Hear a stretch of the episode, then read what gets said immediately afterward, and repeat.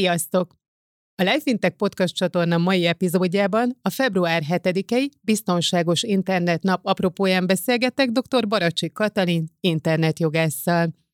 Szia Kati, üdvözöllek a csatornán! Szia Judit, köszöntöm a hallgatókat, nézőket! Mi az, amiért valaki a jognak ezt a területét választja, az internetjogász szakmát? Milyen tudnivalók vannak? Mi az, amivel te nap mint nap foglalkozol internetjogászként? Amikor beiratkoztam a jogi egyetemre, akkor még nem tudtam, hogy ez lesz az én területem. Mert hogy első másodévben az ember próbálkozik, nézegeti, hogy melyik az a terület, ami igazán közel áll hozzá, és próbálja magát kipróbálni, megnézni, hogy hát akkor mivel és hogyan szeretne foglalkozni. Mire eljutottam a diplomáig, rájöttem, hogy olyan területtel szeretnék foglalkozni, ahol emberekkel találkozom mert hogy számomra fontos az azonnali visszajelzés, és hogy nem ilyen mechanikus jogi munkát szeretnék végezni, hogy mondjuk egyenszerződéseket gyártani, vagy olyan ügyeket képviselni, amit nem érzek magaménak. Úgyhogy amikor befejeztem az egyetemet, akkor szembe jött velem egy olyan hirdetés, hogy hazánkban is elindul az Európai Unió kezdeményezése, a Safer Internet, azaz biztonságos internet program, ami éppen trénereket keres. Friss diplomásként, álláskeresőként, és akkor már tényleg az internetet aktív felhasználóként úgy éreztem, hogy ez egy olyan terület lehet, ami engem érdekel, és kamatoztatni tudom a jogi tudásomat. Annyira bevált ez a dolog, hogy én már 14 éve úgy telnek a napjaim, hogy hogy interaktív foglalkozásokat tartok gyerekeknek, fiataloknak és érdeklődő felnőtteknek. Ezek a foglalkozások iskolai tanórák keretében zajlanak, de vannak rendhagyó szülői értekezletek, pedagógusoknak szóló tréningek, konferenciák, média szereplések, és minden, ami a digitális világról szól. Mert számomra az vált küldetésé, hogy az emberek számára közérthető formában beszéljek arról, hogy mit csinálunk az online térben, és a jog egy eszköz és egy lehetőség, hogy az ember biztonságosan tudja használni a világhálót. 14 év azért már egy jó nagy időtáv, és azt sejtem, hogy ezen idő alatt azért rengeteget változott az is, amit internetnek nevezünk. Ez egy világnap. Ez február 7-én van minden évben. Te hogyan tudod összefoglalni, mi lett az elmúlt éveknek a változása? Mi az, amiben teljesen más az, amit ma én biztonságos internetnek nevezünk, és amit akkor, amikor te elkezdtél ezzel foglalkozni? A 2000-es években abszolút az újdonság erejével hatotta az internet. Az emberek nagy részt még asztali számítógépeket használtak, megjelentek már az első laptopok, de senki nem gondolta volna, hogy nem telik el néhány év, és már az okos telefonok, tablettek uralják a mindennapjainkat, és megjelenik, amit ma összefoglaló néven közösségi médiának nevezünk, és az emberek elkezdik ott is felépíteni a saját életüket. A kapcsolattartás elengedhetetlen csatornájává válik az internet. Mindenfélét tudunk már intézni a világháló segítségével. Gondolok itt egy online bankolásra, vásárlásra, de azt, hogy egyébként megnézzük a gyermekünknek, hogy a kréta rendszerben éppen hanyas lett az aktuális dolgozata, vagy a több száz ezer kilométerre lévő barátokkal, rokonokkal is az internet segítségével tartjuk a kapcsolatot. Mi az idei napnak a a szlogenje. Minden évben választotok egy témát, egy adott fókuszterületet. Mi az, amire idén esett a választás, és miért? Pont ez, és egyáltalán mi az, ami meghatározza egy-egy évben ezt a területet? Nagyon izgalmas, mert hogy az Együtt a jobb internetért szlogen már évek óta kíséri a biztonságos internet napot. Valahogy az ötlet kitalálói az Európai Központi Csapat úgy gondolta, hogy ez egy olyan szlogen, amit évről évre újabb tartalommal lehet megtölteni, hiszen az, hogy mitől függ, hogy valami jobb lesz, az nem egy év leforgása, vagy egy nap alatt történik meg, hanem sokat kell dolgozni rajta.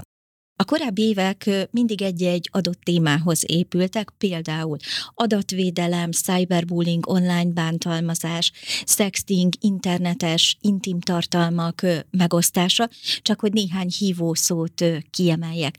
Az utóbbi időben azonban egyre inkább a globális szemlélet jelent meg, és ez az együtt a jobb internetért, ez nem csak azt jelenti, hogy nekünk felhasználóknak kell jobban odafigyelni arra, hogy mit és hogyan csinálunk a világhálón, hanem minden szereplőnek, legyen szó egy jogalkotóról, egy ipari szereplőről, a pedagógusoknak, a gyerekeknek, mit kell megtenniük azért, hogy ez az internet, ez a világháló egy biztonságos tér legyen. Az fordult meg a fejemben, ahogy erről a szlogenről, a jobb internetről kezdtél beszélni, hogy mikor történt az a váltás, hogy valami, ami új, egyszer csak elkezd nem csak egyszerűen létezni, hanem jó és rossz oldalai is kiderülnek, mert ugye az elején ez még nem, nem volt egyáltalán téma, hogy jobb internetre van szükségünk, hanem csak létezett az internet, hogy ez mikortól lett téma, és egyáltalán mit fed az, hogy jobb? Mi, mi, mi ennek a, a mögöttes tartalma, hogy jobb az internet? Hogyan és mihez képest tud jobb lenni?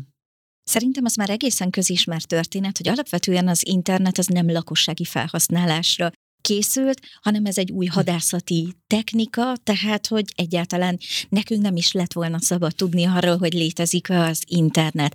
De egy véletlen folytán lakossági felhasználás is lett belőle. Úgyhogy abban a pillanatban, amikor egyébként elkezdtük használni a világhálót, és meg tudtuk nyitni az első weboldalakat, létrejöttek az első e-mail fiókok. Szerintem már abban az időben egyszerre megjelent ez a jó és a rossz oldal. Ez folyamatosan egymás mellett létezik. Mert abban a pillanatban, ahogy mondjuk valaki elkezd használni olyan alapdolgokat, hogy mondjuk nyit egy e-mail fiókot, számolnia kell azzal, hogy akár kaphat kéretlen leveleket, úgynevezett spam üzeneteket, vagy kap kaphat adathalász e-maileket, ahol megpróbálnak tőle személyes adatokat és információkat kicsalni.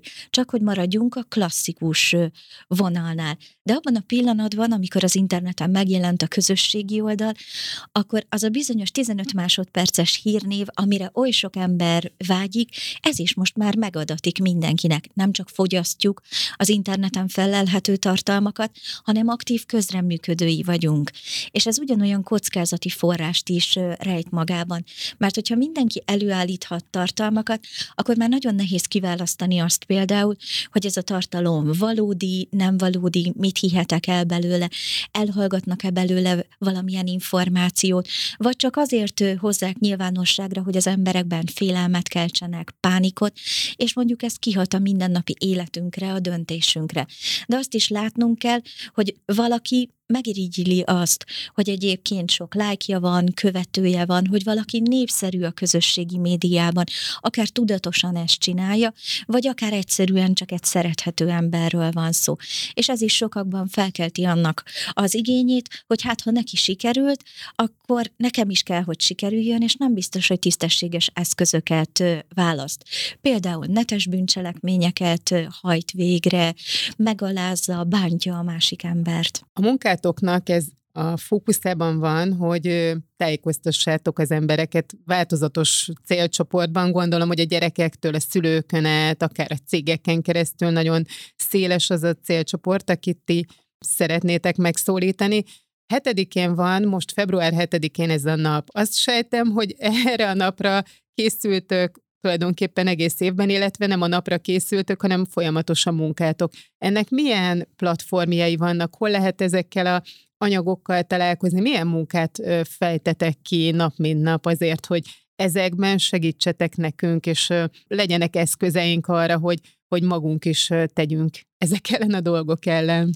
Én azt gondolom, hogy a hitelességemnek az a záloga, hogy nem csak beszélek azokról a felületekről és eszközökről, amiket használunk, hanem én magam is jelen vagyok. Azt nem állítom, hogy a nap 24 órájából mondjuk 6-8 órát számítógépes játékokkal töltök, amit a gyerekek nagyon szeretnek, de fontos számomra az, hogy tudjam, hogy éppen az a korosztály, akikhez megyek, hogy ők mivel foglalkoznak, mit csinálnak, mik a kedvenceik, melyek azok a felületek, amiken ott vannak, és hogy ezen a felületen mit lehet csinálni. Számomra a közösségi média egy munkaeszköznek számít, hiszen létezik nekem is egy saját profi szakmai oldalam, az internetjogász név alatt, ami lehetővé teszi azt, hogy olyan cikkeket, saját tartalmakat, videós, képes, hangos üzeneteket osszak meg az emberekkel, amik segíthetik őket abban, hogy jobban és magabiztosabban mozogjanak ebben a térben, hiszen az internet ahhoz, hogy jobbá váljon, rajtunk múlik, hogy mit és hogyan csinálunk. Sokan azzal takaróznak, hogy hát a világhálón bármit megengedhetek magamnak, hiszen egy avatár bőre mögé bújok, és akkor úgyse jönnek rá, hogy én ki vagyok. Én viszont azt látom már, hogy az elmúlt időszakban az emberek saját névvel is vállalják a gonoszkodásaikat, és akár azt, hogy a másik ember tudatosan tönkre akarják tenni. Ez biztos, hogy nem egy jó irány, és sokan abba azzal takaróznak, hogy hát én csak a véleményemet mondtam el, az interneten nem lehet el elkövetni bűncselekményeket, amit ott teszek, annak nincsen következménye. Úgyhogy a jogi végzettségemet arra is felhasználom, hogy felhívjam az emberek figyelmét arra, hogy a két világ nem különböző.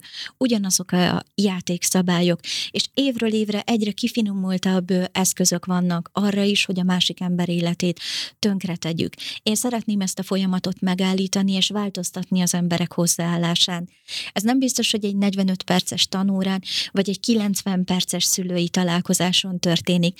De aki meghallgat, aki ott van, megosztja az apró történeteit, kérdéseket tesz fel egy-egy ilyen találkozás során, már elindul a fejében a gondolkodás, és ha legközelebb a világhálóra lép, akkor biztos, hogy már nem ugyanúgy fogja csinálni a dolgokat, mint korábban.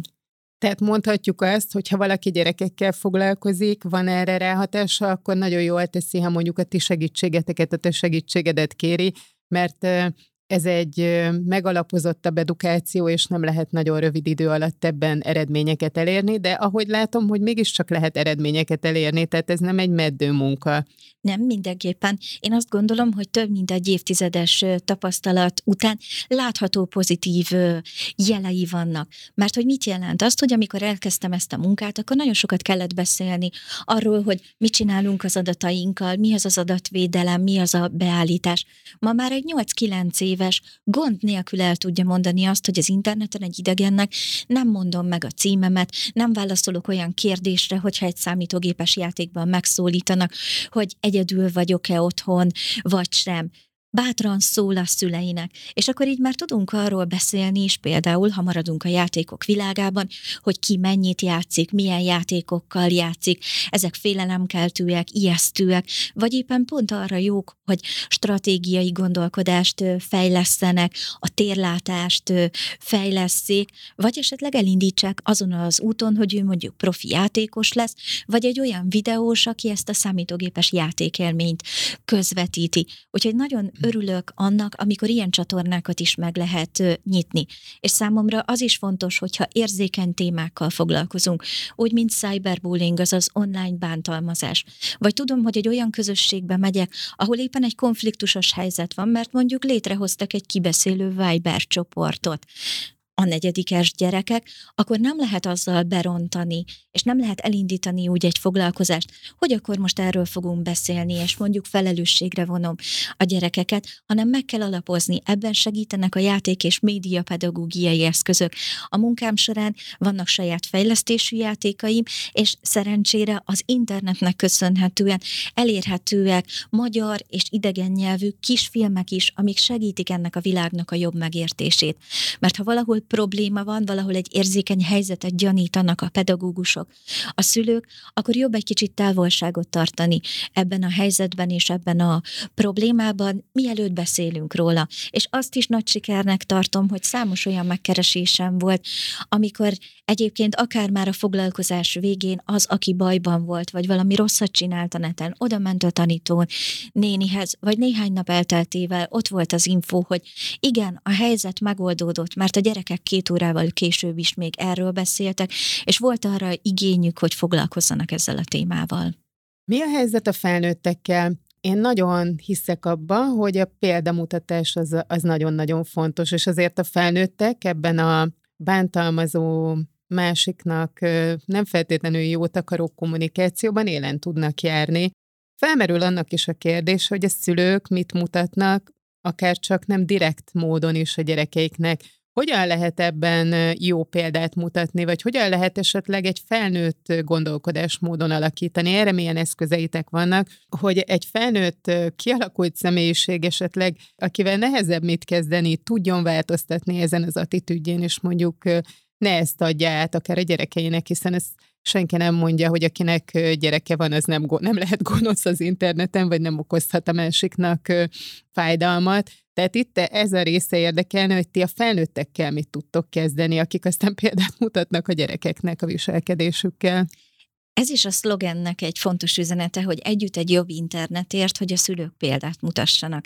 Mert hogy annak ellenére, hogy kamaszos lázadásról ö, beszélünk, meg bármilyen olyan helyzetről, hogy hát a gyerek nem hallgat rám, és nem csinálja azt, amit ö, én szeretnék, mindenkit megnyugtatnék azzal kapcsolatban, hogy titokban folyamatosan azt figyeli, hogy mi felnőttek ö, mit csinálunk, és lopva el tanulja a jó dolgainkat, de éppen úgy a rossz dolgainkat. Szerintem ebből a szempontból, hogy egy szülő mennyire nyitott és érdeklődő a gyereke digitális mindennapjai terén, a pandémia óriási változást hozott. Én a munkám elején és még hosszú évekig azzal találkoztam, hogy egy közösség számára az volt a fontos, hogy hát a gyerekek tudják azt, hogy mit kell csinálni az interneten, ők legyenek biztonságban. De a gyerek olyan konfliktusos helyzeteket nem fog tudni egyedül megoldani, hogyha valaki mondjuk egy fényképet kér tőle, és nem a diák igazolvány képét, hanem nyilvánvalóan mondjuk a lakásáról, vagy róla esetleg egy intim tartalmat. Elengedhetetlen a felnőtt jelenléte ebben a helyzetben, és hogy hogyan lehet ezen változtatni. Hát beszélgetéssel, bizalmi kapcsolat kiépítésével, mert hogy fontos azt látni ebben a helyzetben, hogyha a szülő nem kíváncsi arra, hogy a gyerekem mit csinál az online térben, akkor nagyon el fog veszni ebben a helyzetben és ebben a történetben. Ha nem tudom, hogy a gyerekem milyen eszközöket használ, milyen platformokon van jelen, mivel játszik, kik akár a netes barátai, a példaképei, a követői, akkor hátrányban vagyok. Ezt tudom, idő és energia, mint az életünk bármely része. De ha a gyerek látja, hogy a szülő kíváncsisággal, érdeklődéssel fordul felé ebben a helyzetben, akkor higgyük el, hogy ő is mesélni fog arról, hogy mi és hogyan történik vele a neten. Említetted korábban, hogy vannak olyan platformok, amik nagyon népszerűek. Persze mindannyian ismerjük ezeket, de lehet, hogy te tudsz olyat, ami éppen most van felfutóba, de még nem hallottunk róla, nem feltétlenül a TikTokra gondolok rögtön, mert azt már mindenki ismeri, hanem hát, ha vannak olyan új felületek, amivel nem árt megismerkedni, és jó, ha tudjuk, lehet, te már fenn is vagy ezeken, hogy előttünk járj egy lépéssel. Szerintem az is fontos a példamutatás során, hogy nem biztos, hogy mindig rohanni kell a gyerek után, és, és minden felületre regisztrálni kell, ahol ő is ott van. Mert hogy a digitális biztonság megteremtésének az önállóság is egy kulcsfontosságú mozzanata. Nem attól jó szülő valaki, és nem attól támogató, hogy mindenhol ott van, ahol a gyereke, és abban a pillanatban, ha megjelenik egy új platform, akkor utána megy. Szerintem is a TikTokról sokat hallunk, de hogy felmerült már a fiatalokban, én azt mondanám, hogy a 14 pluszos korosztályban egy olyan igény is, hogy a maguk valóságát mutassák meg, és a Be Reals, vagy Be Reals nevű alkalmazáson Például már nem a filterekről és nem a lájkokról szól az életünk, hanem arról, hogy a magunk mindennapjait mutassuk meg a valóságunkat. Én azt is látom, hogy 14 pluszostól kezdve valahogy elkezdünk hirtelen felelősség teljesebben gondolkodni a saját online létezésünkről.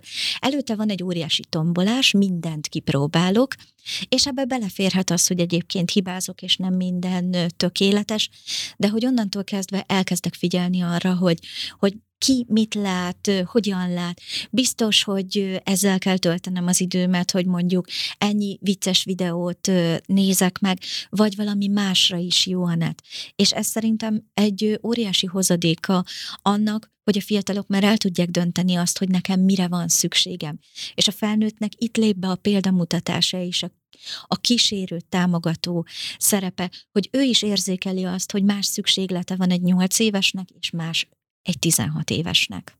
Nagyon érdekes, amit mondtál, ezek szerint igazolva látszik az, amit én is gondolok, meg képviselek, hogyha kiskortól egy ilyen támogató, követő önállóságra neveléssel kísérjük a gyerekünket, akkor ennek az online világban is lesz egy lenyomata. Tehát, hogy erre érdemes törekedni, és nem önmagában azt kontrollálgatni, hogy most mit néz, vagy hogy arra figyelni pusztán, hogy az online térveszélyeket rejt, hanem a, úgy egyáltalán a világban kellene, vagy kell egyfajta biztonságot nyújtani, és abban megtanítani mozogni. Tehát ez az önállóság, ez egy nagyon jó kulcs szó volt, vagy legalábbis én ebbe tudok kapaszkodni ebben, hogy az, aki önálló, az felel magáért valamennyire, és ezt tanulja meg.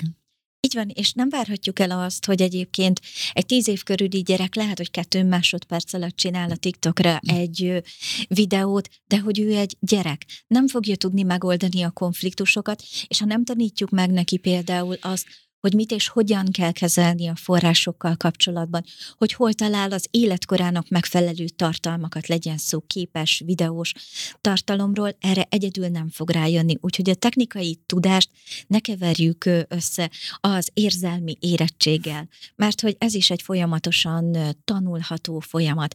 Én hiszek abban, hogy az internetet lehet jól használni, de hogy itt azon múlik, hogy az a közösség, ahol egyébként a gyerek megjelenik, milyen példákat lát, és azt, hogy egyébként egy szülő hogyan kommunikál a környezetével a való életben és a virtuális térben milyen módon oldja meg a konfliktusokat. Ezek olyan alapvető emberi tulajdonságok és emberi dolgok, amiket minden nap használunk, egyszerűen szükségünk van rá. Társas lények vagyunk, mozgunk. És ha azt látja, hogy úgy rendezünk konfliktust, hogy kiabálunk, beszólogatunk, akkor ő is ezt a mintát fogja átvenni. Arról nem is beszélve, hogy abban a pillanatban, ha valaki betölti a 14. életévét, akkor már büntethetővé válik. És amit mi ártalmatlan beszólogatásnak tartunk, az becsületsértés, rágalmazás. Ha rendszeresen csinálom, akár még internetes zaklatás is lehet. Ezt nagyon jó tudni, mert azt hiszem, hogy a jogi vetületeit ennek a dolognak nagyon sokan egyáltalán nem ismerik, akár felnőttek is. Azt nem mondom, hogy számomra teljesen új volt, de nem volt ennyire a fókuszomban, hiszen nekem van egy 14 és fél éves fiam, egészen biztos, hogyha hazamentem, akkor ezt el fogom neki mondani, mi több le fogom játszani ezt, a, ezt az adást, ha akarja, hanem ezt meg kell hallgatnia. Ami még felmerült bennem menet közben, hogy említetted ezt az új alkalmazást, és ez teljesen felvillanyoz, hogy, hogy ezek szerint elindult egy új trend, amiben ezt már maguknak alakítják ez a generáció, köszönni nem kér abból, hogy minden kozmetikázva legyen. Van egy ilyen vonal valóban? Valóban, de ehhez egyfajta nagyon jó önismeretre van szükség, és bátorságra, hogy filterek nélkül is meg tudjam magam mutatni. És ez nem biztos, hogy mindenkinek megy. Ezért is fontos, hogy azon túl, hogy egyébként a beállításokról, a lehetőségekről beszélünk, bátran emeljük el a digitális világ témáját, és hozzunk fel akár a vacsoraasztalnál, vagy az ebédnél olyan témákat, hogy figyelj, te már próbáltál filteres fotókat készíteni? Ebben mi a jó? Miért csinálod? Vagy hallgattál már meg olyan beszélgetést, ahol valaki arról beszél, hogy ő hogyan küzdött meg az internetes trollokkal? És hogy te mit csinálnál hasonló helyzetben. Ezek abszolút a tanítás eszközei, és közben megtudhatjuk, hogy ki, mit, miért és hogyan használja. Nem biztos, hogy mindenki fogja szeretni ezt a platformot, nem biztos, hogy ez lesz az az irány, de ez egy fontos dolog, hogy az emberek kezében ott van a választás, és hogyha digitális világról van szó, akkor arról sem szabad elfeledkezni, hogy az algoritmusok és az egyre gyorsabban fejlődő mesterséges intelligencia folyamatosan azt is monitorozza, hogy mi mit és hogyan csinálunk. Számomra, amikor a digitális biztonságról van szó, egyfajta digitális magabiztosságról is van szó, mert hogy azt is erősíteni kell életkortól függetlenül mindenkiben, hogy a végső döntés az én kezemben van. Én fogom eldönteni, hogy most használom ezt a platformot, hogy használom, mit csinálok, hogyan viszonyulok bizonyos dolgokhoz.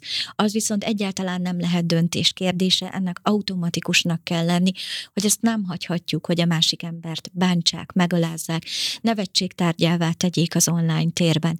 Mert lehet, hogy jókat nevetünk a másikon, de néhány óra elteltével már én leszek az, aki mémként köszön vissza az interneten, és biztos vagyok benne, hogy senki nem érezni jól magát egy ilyen helyzetben. Milyen programokkal, eseményekkel, előadásokkal készültök az idei világnapon? Amiket itt felsoroltál, én legalább 20 kérdést tolult fel a fejemben egyszerre. Egyrészt, amit mondtál, ezek a kérdések, rögtön arra asszociáltam, hogy szerintem a játék, amit említettél, amit fejlesztettél, az valami hasonló lehet, és hogy mennyire megnézném, hogy hogyan lehet ezzel otthon játszani, mert gondolom, hogy szülőknek és gyerekeknek készült, vagy erre gondoltam abból, ahogyan erről beszéltél, és hogy mihez férhetünk hozzá ebből, hiszen önmagában az is, amit mondtál, a digitális magabiztosság, olyan érdekes témák ezek, amikről már most azt gondolom, hogy rá fogok keresni az oldalon, és megnézem, hogy mit tudok ebből én is a magamével tenni, hogyan és miként férnek hozzá ehhez a szülők, a tanárok, vagy akár szervezetek. Az a jó a biztonságos internet napba, hogy ez egy olyan dedikált világnap, amit bárki megünnepelhet. Szóval akár egyénileg otthon tarthatok egy huszadik biztonságos internetnapot, mert hogy az idei ebben is különleges, hogy már huszadik alkalommal ünnepeljük. Iskolai közösségek, szülői közösségek, szervezetek, legyen szó ipari szereplőkről, állami szereplőkről, bárki szervezhet erre a napra interaktivitást.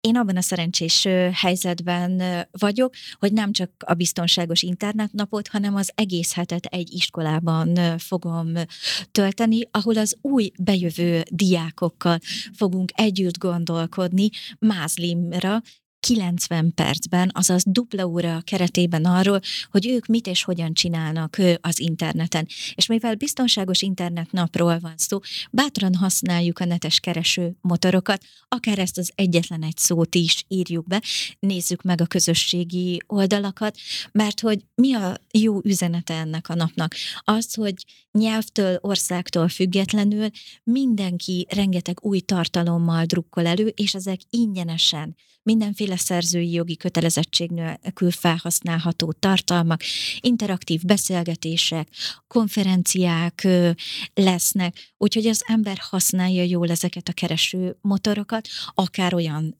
szűréssel, hogy digitális magabiztosság, ami a digitális intelligenciánknak, annak a készségtárnak az egyik elengedhetetlen eleme, amire szükségünk van ahhoz, hogy jól használjuk az internetet. Úgyhogy én mindenkit bátorítanék arra, hogy ilyen szemmel nézzen körül, és ne csak az online térben, hanem a valóságban is, mert hogy számos szak és szépirodalmi mű is elérhető, ami az internetet választotta témaként. Szóval egy közös olvasás, vagy épp a televízió képernyője előtt megnézni egy sorozatot együtt, és arról beszélgetni, hogy ki mit gondol erről, és hogyan létezik, ez is már ünnepé teheti a napot. És az is fontos, hogy ugye ez csak egyetlen egy nap, de hogy az év még áll 364 vagy 365 másik napból, és hogy akkor is oda kell figyelnünk, hogy jól és még jobban használjuk a világhálót.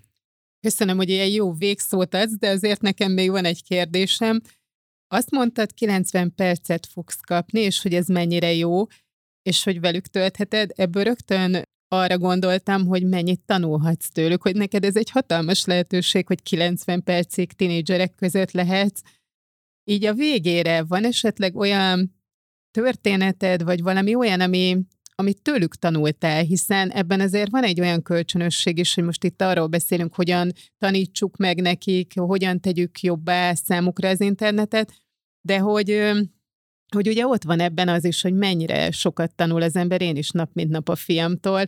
Neked mi az, ami, ami így először eszedbe jut, hogy hú, hát ezt tőlük tanultad, és mennyire jó? Egy harmadikos osztályhoz hívtak meg, azzal a tanítónénik, hogy hát ez őrület, mert hogy a gyerekek órán is és egész szünetben is csak éppen az aktuális számítógépes játékokról beszélgetnek, és hogy nem lehet őket kizökkenteni ebből a témából. A tanítónénik viszont olyanok, akik hát nem játékkal töltik az idejük nagy részét, és azt mondták, hogy szeretnék egy kicsit őket visszarenteni a valóságba, illetve jobban megérteni azt, hogy ki mivel és hogyan játszik. Úgyhogy azt mondták, hogy amennyi időre van szükségem, ez ismét egy jól időzített 90 perc volt, azt velük tölthetem. És ezt arra használtam fel, hogy minden gyereket egyesével megkérdeztem, így indult a kis beszélgetésünk, hogy kérlek mondd el, hogy mi a három kedvenc játékod. Hát nyilván én is kapkodtam a fejemet, mert hogy egy csomó olyan név került szóba, amiről fogalmam sem volt, hiszen én sem vagyok már kilenc éves, nem az a korosztály vagyok, más típusú játékokkal játszom, és valószínűleg nem is annyit, mint ők azt a csillogó szemeket a mai napig nem felejtem el, ahogy elmondhatták azt, hogy ők akkor most mivel játszanak. Én pedig visszakérdeztem, és hogy ebben a játékban mit lehet csinálni, ki játszik még ezzel, tudtunk arról beszélni, hogy akkor mi van akkor, hogyha például az egyik játékban megjelenik egy olyan szereplő, aki nem a csapatuknak a tagja, hogyan tudják leszerelni, úgyhogy bejöttek a netes ismeretlenek. Tudtunk beszélni arról, hogy mi az, hogy függőség ebben a témában, hogy mit jelent a sokat játszani, előjöttek azok, hogy valaki egyébként éjszaka, vagy egész hétvégét is játszott, és hogy lehetett róluk erről beszélni, de hogy azt az örömöt, ahogy ők erről tudtak beszélni. Én mindenkinek ezt üzenném, hogy találjuk meg azt a témát és azt a területet, ami mozgatja azt a gyereket, és hagyjuk, hogy beszéljen róla. Lehet, hogy egy árva szót sem értek, és a tanítónénik is azt mondták, hogy ők az első tíz percig vették az adást, de hogy nagyon büszkék voltak a gyerekekre, hogy abban a maradék 70 percben, amikor én is kérdeztem, vagy beszélgettünk, a gyerekek válaszoltak, és hogy nagyon jó dolgokat mondtak.